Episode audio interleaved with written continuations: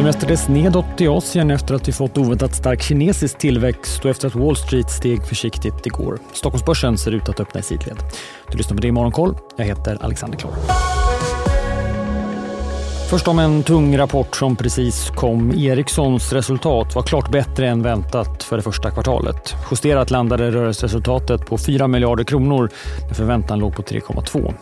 Marginalen blev 6,4 procent, även den bättre än väntat. Och den för Ericsson så viktiga bruttomarginalen landade på 39,8 procent, mer i linje med förväntan.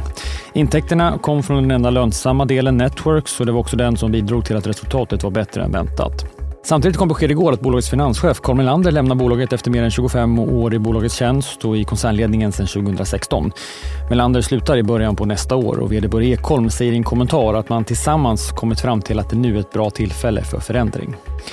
DTV intervjuar Carl Melander kvart över åtta och han är även med i Börsmorgon under morgonen.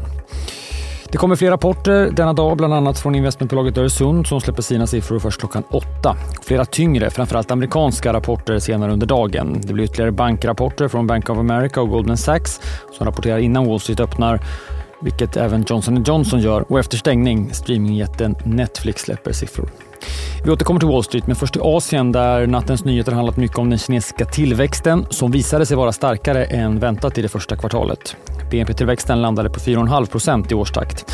Analytiker hade räknat med att Kinas BNP skulle växla upp med 4 procent efter att man sett i det avslutande fjärde kvartalet i fjol ekonomin växa med 2,9 procent. Framförallt var det konsumtionen och detaljhandeln som bidrog starkt. Ett tecken på att landet kommit ur pandemin med kraft. Något vi också sett i övrig data från landet den senaste tiden. Kinas ledning har satt ett mål om att BNP ska öka med just runt 5% i år. Och enligt en enkät bland ekonomer som Bloomberg genomfört väntas ekonomin klara det målet med lätthet. Kinesiska börser rör sig i sidled nu under morgonen medan Tokyobörsen stiger en halv procent. Och från Australien där berättade senaste mötesprotokollet från centralbanken att man övervägde att höja räntan ytterligare vid det senaste mötet men man landade i en paus. Protokollet stärker den australiensiska dollarn något.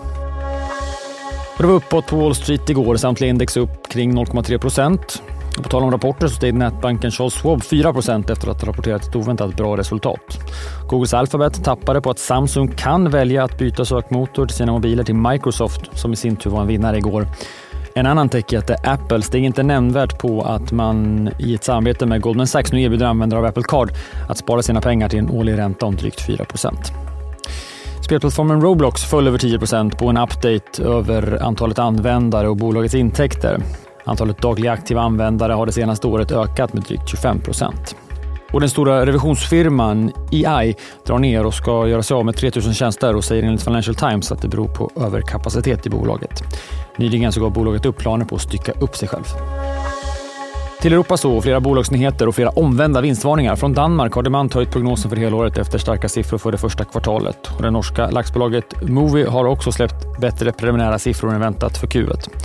Och Getinges tyska konkurrent Drägersverk har också kommit med oväntat starka siffror som kan påverka Getinge idag. Svagare siffror däremot från blodanalysbolaget Cellavision vars omsättning och marginal sjönk i det första kvartalet enligt eh, preliminära siffror man släppte igår kväll. Och så har fondjätten Blackrock ökat sin blankningsposition ytterligare i det svenska spelbolaget Embracer. Nu har Blackrock blankat 0,9 procent av de totala aktierna.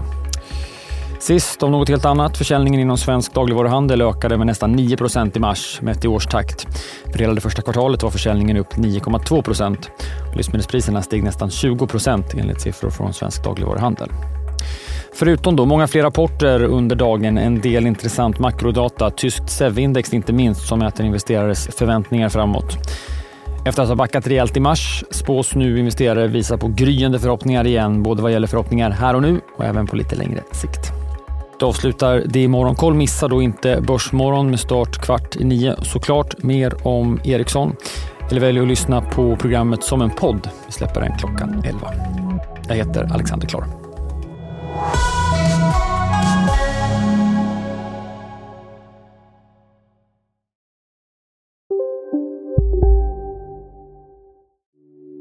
Hej, Ulf Kristersson här. På många sätt är det en mörk tid vi lever i. Men nu tar vi ett stort steg för att göra Sverige till en tryggare och säkrare plats. Sverige är nu medlem i Nato. En för alla, alla för en. Där det finns ett samhälle, där finns det brott. Krimrummet är podden som tar brottsligheten på allvar. Jag bjuder in landets ledande experter och tar upp aktuella rättegångsfall för att begripliggöra den kriminalitet som kryper allt närmare. Du, alltså, du kan knäcka ett eller några gäng, men det kommer komma nya och så kan vi knäcka dem sen. Men att du ska knäcka allt forever, det kommer aldrig ske. Det är infinite game. Lyssna på Krimrummet, en podd från Expressen med mig Kim Malmgren.